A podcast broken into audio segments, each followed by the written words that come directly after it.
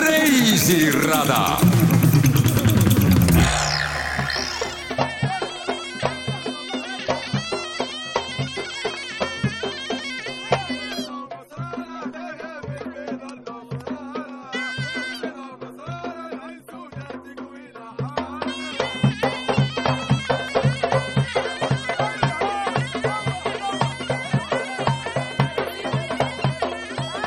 tere, Kuku raadio kuulaja!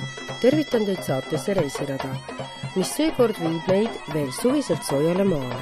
see on Põhja-Aafrika väiksem maa, Tuneesia. kõigepealt ütlen teile Aslama, mis selles lillelises keeles tähendaks tõlkes olgu sul turvaline. võib ka öelda salam, mis tähendab olgu rahu sinuga. ning tavatervituseks võib lihtsalt öelda labes mis tähendab, kuidas sul läheb. saatejuhtaja Karin tervitab teid veidi käheda häälega naasnud kõrbekliimast, kus päeval on soe ja öösiti ehmatavalt külm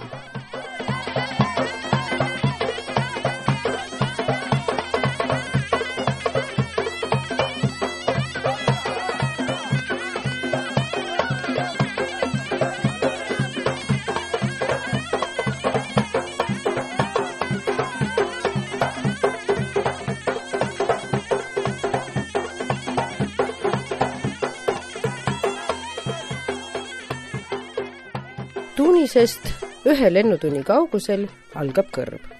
seal niinimetatud kõrbeväravas Duusis ongi liiv, liiv ja veel kord liiv. seal on aga ka taevas sinisem ja öösiti täis tähti. seal kõnnivad rahulikul sammul kaamelid mööda liivaseid teid läbi linna. päikeseloojangul keerutavad ATV-d luidete vahel.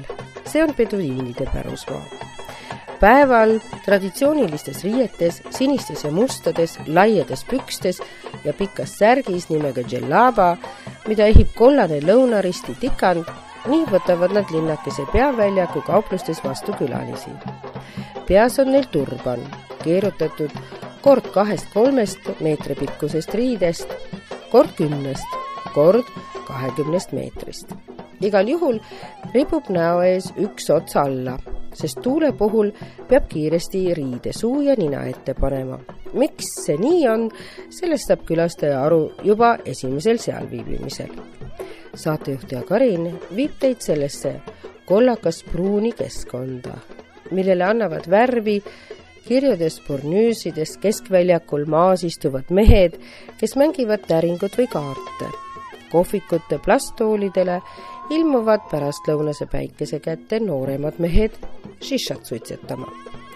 kodu ümbritseva müüri ees pesevad naised värvilisi riideid ja õhk on täis ikka jälle liiva ning päikest ja muusikat.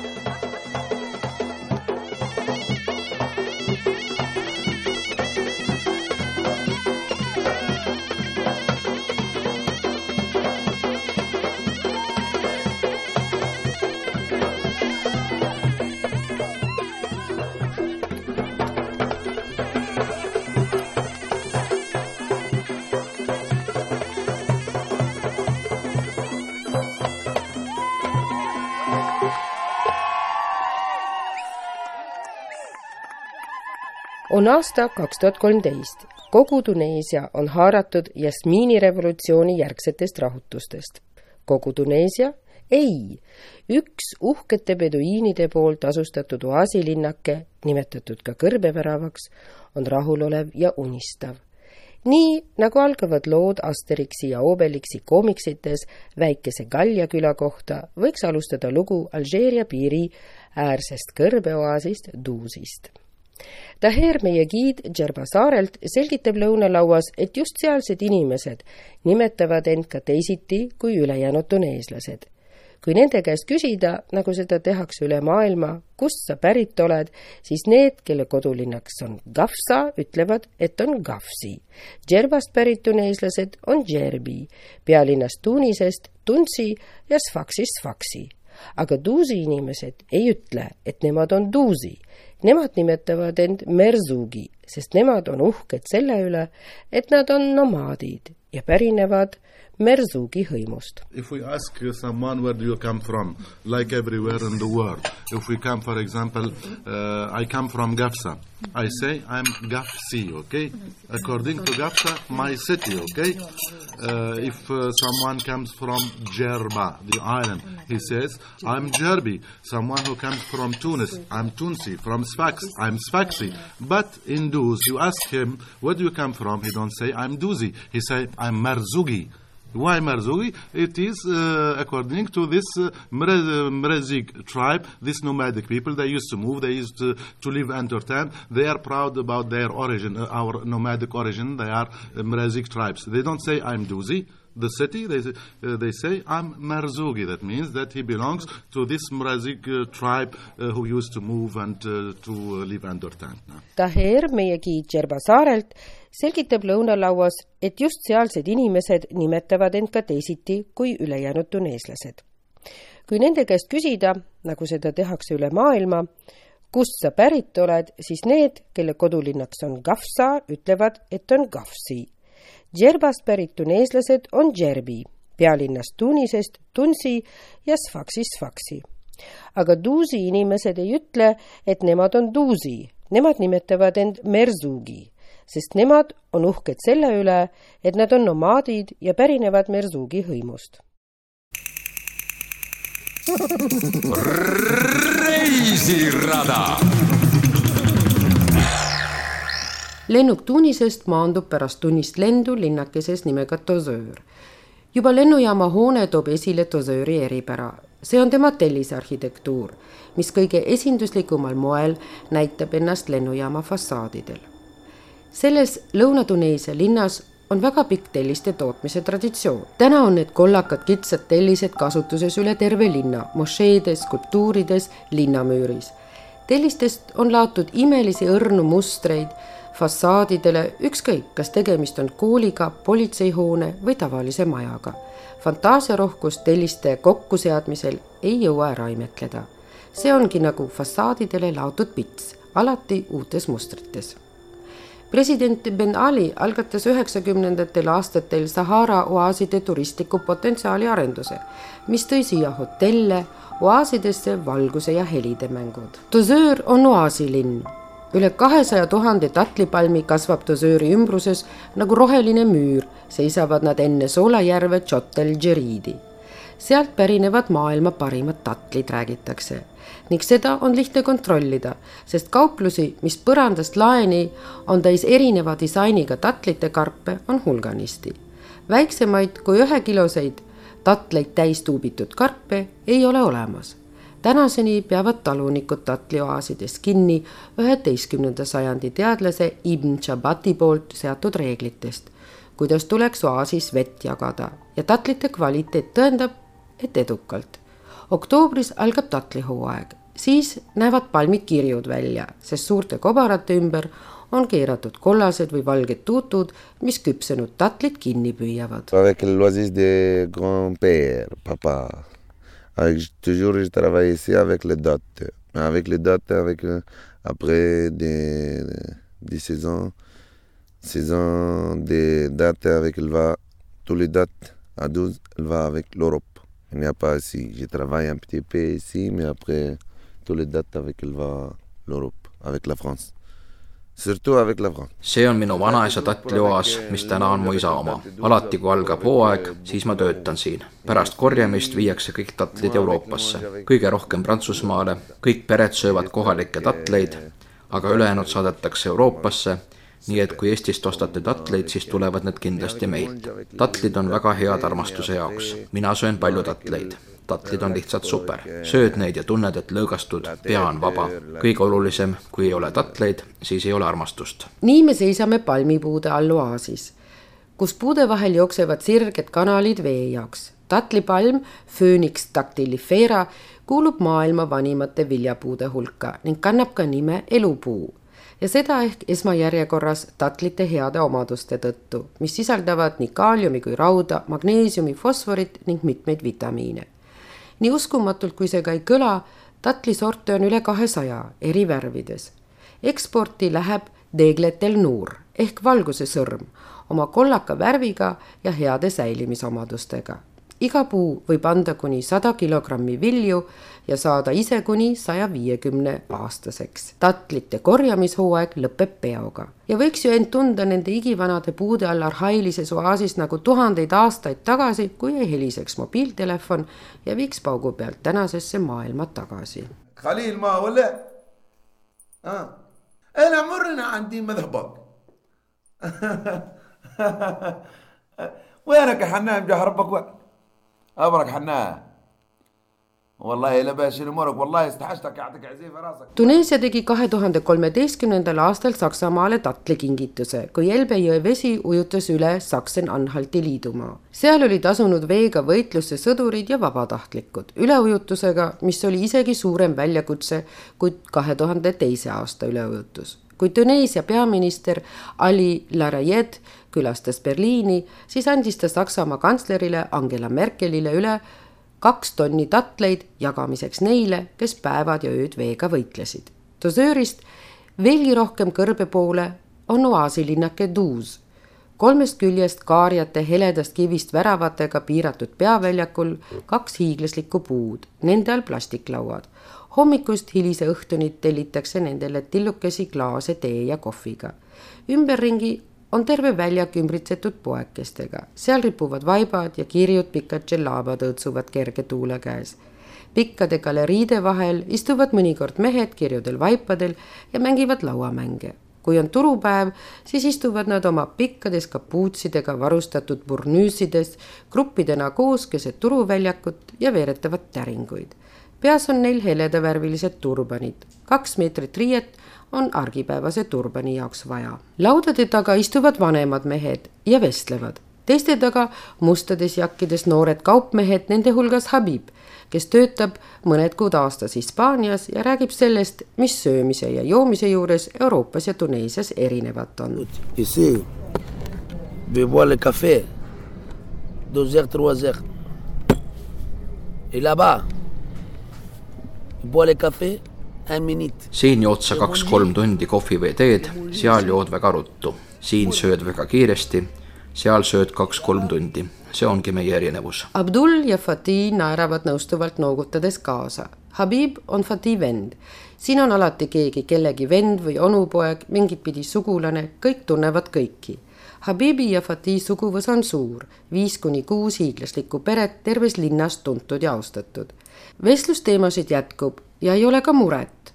kui järsku läheb autot vaja, keegi ikka annab valge Toyota kastiku või tumedate klaasidega BMW võtmed või toob kaupluse ette ATV. kui on vaja hobust, siis kõrbes on sugulane Abdul ja dromedaar on Mohammedil, mis tuuakse Toyota kõrvale. nii lihtne võib elu olla Duusis ja rahulik, sest siinses õhkkonnas ei ole kellelgi kusagile kiiret ja tänavapildi juurde kuuluvad nii nagu ammustel aegadelgi eeslid ja hobused kaarikutega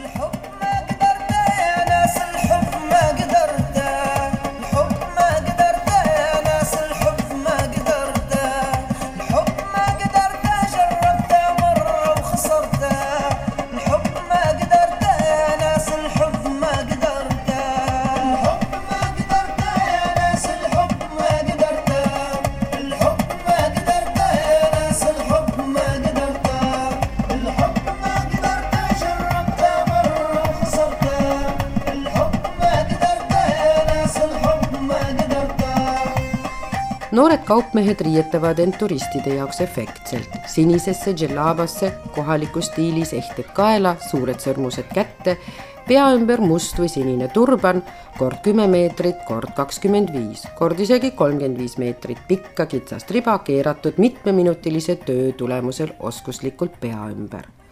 Sina ei saa kolmekümne viie meetrist turbanit kanda, ütleb mulle ühes väikeses poes müüja ja naerab, sa pole harjunud, sa kukuksid ümber ja peale pannakse lõhnaõli. erinevaid lõhnanoote müüakse pooleteistliitrilistest pudelitest ning kallatakse ümber väikestesse. ja iga nädal tuleb käia ka habemajaja juures ning lasta habemesse lõigata sisse kolmene joon, kord jääb lõua äärele ainult rand, kord teeb see kauni kaare kõrgele ka see on teenus turistidele, et koos turbani ja habemejoonega ning meeste koholliga ääristatud tumedate silmadega olla turistidele pilku püüdev. õhtuti minnakse düünide vahele ATV-ga liiva üles keerutama. seda nimetavad kohalikud päikeseloojangu vaatamiseks Habib korraldab aga ka tuure neile, kes tahavad kõrbesse minna motoriseeritult. J'aime beaucoup surtout le 700, 700 Yamaha Raptor, d'accord Et faire un tour du désert et tout. Et il y a des agences ici, des organisées dans le, dans le désert. Et faire ici le même, des, des sautes avec le quad et tout. mulle meeldib teha tuure kõrbes, paar päeva, paar nädalat. siia tuleb palju neid, kes armastavad masinaid, nendega me läheme suure loite juurde, sõidame kõrbeteedel. ma armastan mootorrattaid. Habib ise on tõeline mootorrattafänn. spontaanselt korraldasid nad Baliriga võistluse ATV hobuse vastu Habibi tuttmüts lehvimas masina kohal ja traditsiooniline beduiinide rahvarõivas ehitud hobusel kõrbeliivas. siin said kokku traditsioon ja tänapäev ja Sahara. kogu oma vaba aja veedaks ta kõrbes ja rattal, hommikul, päeval, õhtul, kui võimalik, kas või kakskümmend neli tundi, ütleb Habib. Oui, oui, oui, oui, tout le temps, tout le temps. Ce soir, matin, après-midi, euh, midi, tout le temps, tout le temps. Ce soir aussi, tout le temps. Je n'ai pas perdu avec le quad. tous les jours, les 24 heures si tu veux. ühel meelel on kõik tähistaeva üle, mis on nii ilus, et siit Sahara kõrbest ei taha nemad küll kuskile mujale. nii nad istuvad õhtul kõrbe äärel, Mohammed ja Fatih, Habib ja Abdul tillukese värskelt keedetud piparmünditeed täis klaasikese taga ja räägivad peduiinide et on hea ja Sahara inimestest. Euh, les gens de Sahara au niveau d'hospitalité euh, c'est dans nous, c'est dans nos traditions et nos habitudes. Parce qu'à l'époque, quand on était des nomades, on est encore, toujours en passant, traverser des airs, Sahara inimesed on külalislahked, see on meil sees, see on meie traditsioon, meie kombed. see on läbi aegade nii olnud. nomaadid olid pidevalt teel läbi kõrbe ja alati oli neil kaasas telk ning see oli ka kõikide jaoks, kes teel olid, igaüks kutsuti telki sööma. nomaadid, beduiinid on erilised, leiab Mohammed, kes istub kõrbeäärses kohvikus, ees klaasike teed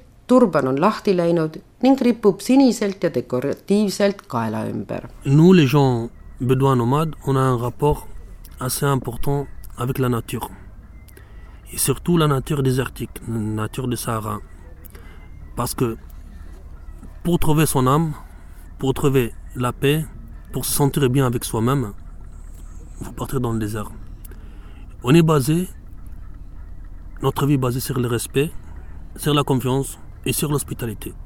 En parlant de l'hospitalité, par exemple, si vous partez avec vos dromadaires traverser le désert, vous rencontrez des campements de nomades. Toujours, on a des tentes plantées un peu plus loin du campement. Ça, ça s'appelle la place des invités. Vous serez invité à manger, invité à boire et participer à la soirée avec eux, au même temps dormir. Meie jaoks on alati olnud oluline elada koos loodusega ja meie jaoks tähendab see esmajärjekorras kõrbet. et leida rahu ja tunda ennast iseendas hästi, selleks me lähemegi kõrbesse. meie elu rajaneb austusel, usaldusel ja külalislahkusel.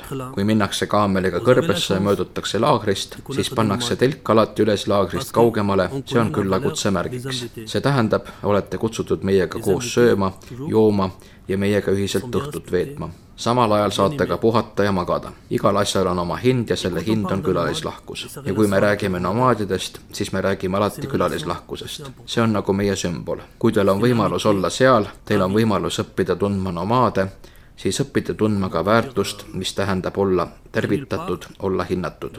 kui me räägime nomaadidest, siis me räägime samas ka kaamelitest, dromedaaridest.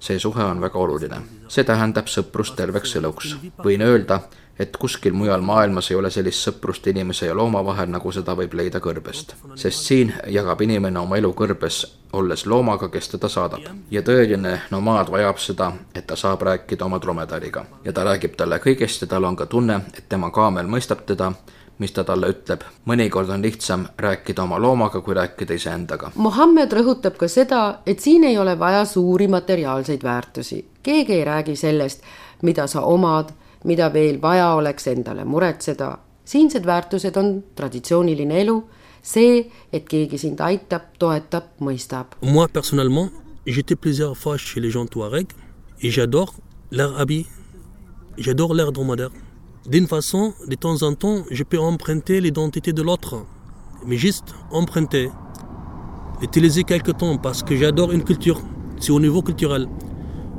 Comme arrive à vous les Européens de temps en temps, vous venez dans un endroit vous serez, vous sentez touché par une culture. mul isiklikult on sidemed tuareegidega ja ma imetlen tuareegide kaameleid. mõnikord tahaksin ma olla nagu nemad, sulanduda sellesse kultuuri, nii nagu ka eurooplased, kes siia tulevad ja puutuvad vahepeal kokku täiesti teistsuguse kultuuriga. me jääme alati nomaadideks, kes imetlevad Saharat ja oma dromedaari. me oleme alati ühed ja samad, me ei muuda oma identiteeti. mina olen näiteks täna valinud sinise peakatte, sest ma imetlen sinist värvi see on kaks meetrit pikk riie tuareegi värvides.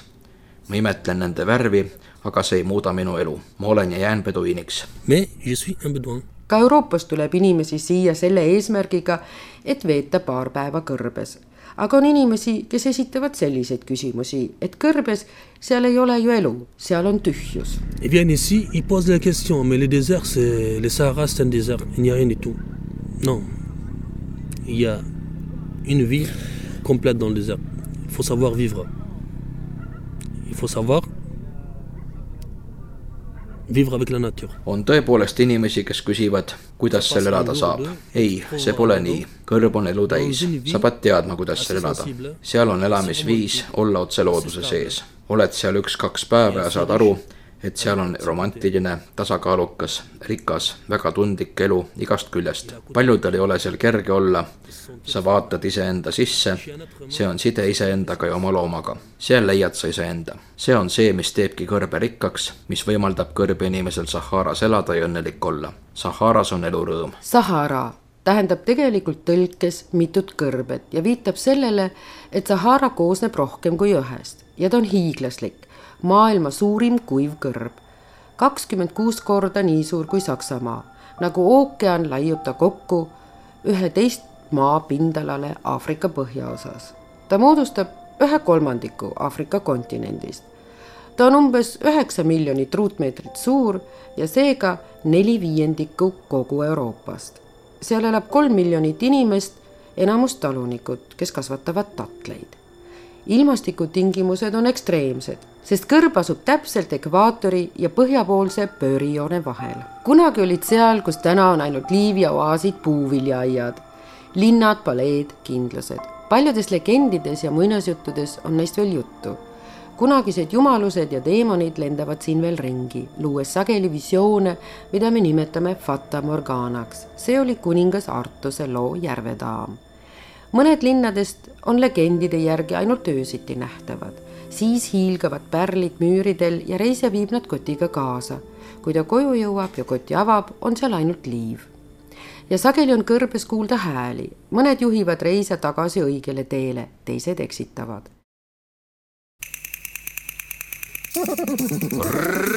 reisirada kui argipäevane linnake Tuusi keskväljakul suurte eukalüptipuude all on rahulik ja mõjub ehk uniselt, siis mõnikord ärkab Tuus üles. siis on neljapäev ja suur turg. linnaväravate ees kuhjuvad mägedena sibulad ja porgandid, laudadel apelsinid ja õunad, suurtes kottides on vürtsid ja saiad, sama suurtes kottides kuivained. sellel päeval tulevad siia need, kes siin elavad ja nomaadid ja poolnomaadid, siis kaubeldakse ja arutatakse, vahetatakse uudiseid. see on hea kauplemispäev ka kohalikele äriomanikele.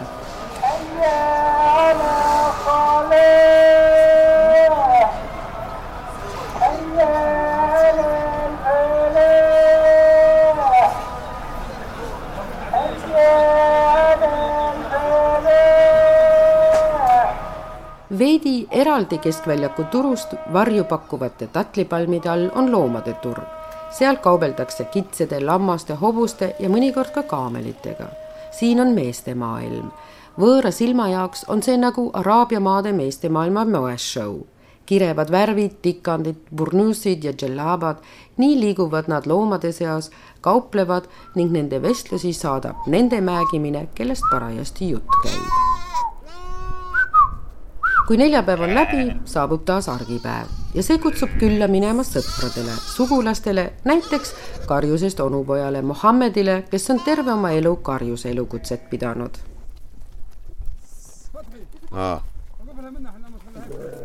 jõuame tuule käes kohale ajaks, kus kitsed ja lambad jooma tulevad ja suure jooksuga suured ja väikesed joogipaiga poole kappavad.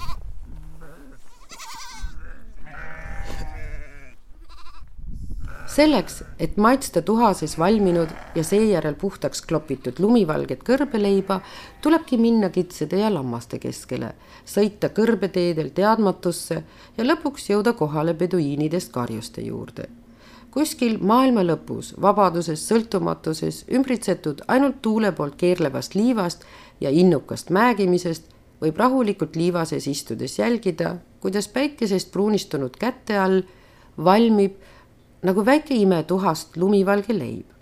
meie eurooplastena võime ainult imestada, millise geniaalse viisi on nomaadid välja mõelnud, et kõrbes endale leiba küpsetada. Mohammed on nomaad kõige klassikalisemas mõttes ta on kolmkümmend kuus aastat vana, hiljuti abiellunud ning käib iga paari nädala tagant väikeses linnas naist ja kahte pisikest tütart vaatamas. juba kakskümmend aastat elab ta keset kõrbe koos lammaste ja kitsedega, kes on musta värvi ja valgete kõrvadega. Mohammedi kui kõrbepoja varustuse juurde kuulub nii heledavärviline turban kui kepp ja teadmised kuidas teha tuhaleiba, mida tuareegid nimetavad gillaks, araablased on selle tõlkinud hobza al-mallaks, meie keeles on see kõrbeleib, tuhaleib, päändus saable. Kõigepealt teeb Mohammed liiva sisse väikese lohukese ning süütab selles puulõkke.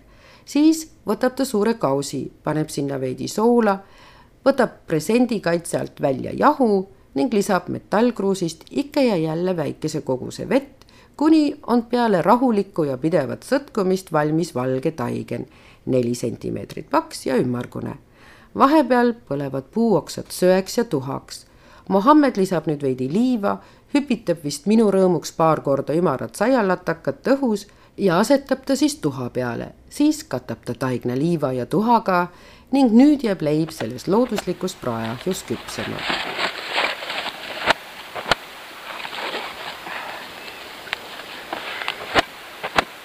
vahepeal räägime me sellest, et võiks sadada vihma, siis muutuks kõrb imekauniks ja Mohammed palub minult endale minu fotokotikest, et peita sinna oma mobiiltelefon. kiirelt kinnitab ta lilla kotikese oma sõjaväevöö külge ja ma loodan, et telefon on nüüd peene lendleva liiva eest paremini kaitstud ning aitab Mohammedil kindlamalt hoida ühendust maailmaga väljaspool kõrbe. شربت انت انا قلت لك للسياسة يجعلك شواشين هذا يدل لك العمر بتاعتك قلة الماء يدل لك العمر يخف لك الأعصاب واحد لكن. أيوة قولوا لعنك وقت أنت تشرب تو تسمعها معك في الزواج مليح ولا شوي؟ رب kui umbes kakskümmend minutit on möödunud, võtab Mohammed leiva tuha seest välja, võtab kätte oma pruunika ja raske keebi ning klopib ülejäänud tuha maha. soe krõbeda koorikuga leib on imevalge ja puhas. Mohammed murrab leiba ja jagab meile laiali.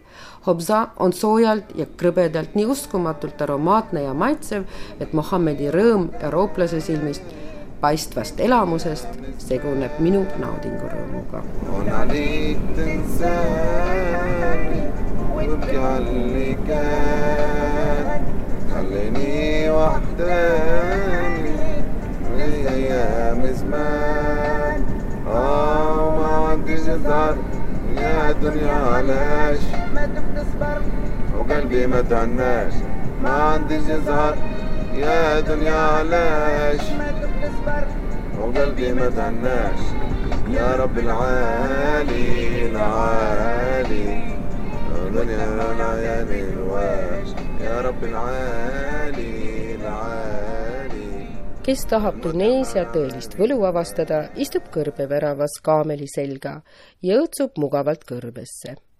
Tuneesia lõunaosas on Sahara kõrb, vähemalt väike osa sellest, aga ikka veel küllalt suur, et siin ilma giidita ära eksida autoga saab sõita Dahar mäestiku serpentiinidel Matmataasse, vanasse kindluslinna Tšenini ja Tatooini, kus aastakümneid tagasi toimusid filmi Star Wars võtted. sealt viib tee mööda berberite koobaselamutest, tigroldüütidest ja Sahara väravasse Duusi ja Kebilisse ning Soolajärve Tšot el Džeriidi juurde, sealt edasi Dosööri ja Neftasse. Need aga, kes jäävad Saharasse, peavad vastu kõrbejahedusele tumedas öös, näevad taevast, mida Euroopas veel vähestest paikadest ainult näha saab. Nemad saavad kuulata ka nomaadide laule, nagu laul Lõuna-Tuneesia suurimalt poeedilt Abdellatif Belgassemilt, kelle laulu nimi on Päike ja mis võrdleb naist päikesega. teised, kes kaasa häälitsevad, avaldavad oma hüüetega tunnustust ja nõusolekut aga enne seda kuulame veel meie giidilt Taherilt, kuidas Tuneesias ja kõrbeväravas tervitatakse ja head aega öeldakse. Sest kuigi Araabia maailmas räägitakse üht keelt ja mõistetakse seda, milles kirjutatakse raamatuid ja ajalehti, siis eksisteerib tohutult palju dialekte uh,. To say hello, for example, we say aslema with a, aslema, okay? To say goodbye, it will be with b, we say bislema. That means aslema, hello uh, bislama with B, goodbye, aslama, bislama. meie ütleme tervituseks aslama, ütleb Taher ja kui me ütleme head aega, lisame B ja sellest saab bislama. To ask how are you, okay, it is the same word, labes. We ask labes, this means are you okay or how are you? The answer is also labes, but we add uh, this magic word, alhamdulillah we thank uh, God, okei okay?? kui me küsime, kuidas läheb, siis me ütleme labes ja vastus on ka labes. lisatakse sellele veel maagiline sõna hamdulillah, mis tähendab Jumalale tänu. samas on just lõunas veel omaette sõnad, mis põhjas tundmatud. kui küsitakse labes, siis sageli on vastuseks abarak, mille tähendus on paremini. päris omaette küsimus on šneieuelek mille vastus on samuti abarak pluss mõnikord traditsiooniline hämdulala. tänu Jumalale, sest küsimuse põhiolemuses on peidus küsimus, ega midagi halvasti ei ole. Generally uh, when we say uh, aslama uh, شنيحوالك we don't say labes we say uh, شنيحوالك uh, how are you no? uh, in those the answer is abrak that means better something like this. Uh, okay? Uh, it's like hamdulillah. Uh, abrak, but they say abrak hamdulillah also sometimes. But uh, they don't say labes. Generally, we, uh, we hear abrak, mm -hmm. and that means better. lõpetuseks veel veidikene aktuaalset informatsiooni Tuneesia kohta. Tuneesia on peale hiljutist vaktsineerimiskampaaniat jälle avatud ka nendele, kes vaktsineeritud ei ole, neile kehtib aga karantiin teatud konkreetsetes hotellides teistele on see väike maa esimesest minutist peale maandumist avatud oma päikesekõrbe ja üllatustega. viimaseks üllatuseks, millega Tuneesia välja tuli, on, et pärast valitsuse ja parlamendi laialisaatmist otsustas president Kais Saied kutsuda valitsusse Neila Buden Ramdane sellega on Buden Ramdane esimene naissoost peaminister ja seda mitte ainult Tuneesias, vaid terves Araabia maailmas. ta on kuuskümmend kolm aastat vana ja poliitiliselt tundmatu, on hariduselt insener ja töötas eelnevalt Haridusministeeriumis. milline on tema programm, milline strateegia, millised prioriteedid ta seab, need väljakutsed esimesele peaministrile, naissoost peaministrile jätkuvad sest Tuneesia on sattunud hullemasse kriisi kui eales varem. ja seda nii majanduslikult, finantsiliselt, poliitiliselt ja tervishoiu valdkonnas. selle kõigega peab ta hakkama saama uues olukorras, kus president kuulutas, et hakkab tulevikus juhtima riiki dekreediga. sest parlamenti ei ole Tuneesia lõunaosa, millest saates rääkisime ja kus tunnetati, et nad on põhja poolt täiesti ära unustatud, ootab, kas nüüd on tulnud aeg, kus tähelepanu ka neile pööratakse. kas sinna, minu jaoks põnevaimale osale sellest tillukesest maast, saabuvad tagasi turistid ja aitavad rasked ajad berberitel ja peduiinidel üle elada. saadet toetas Salva kindlustus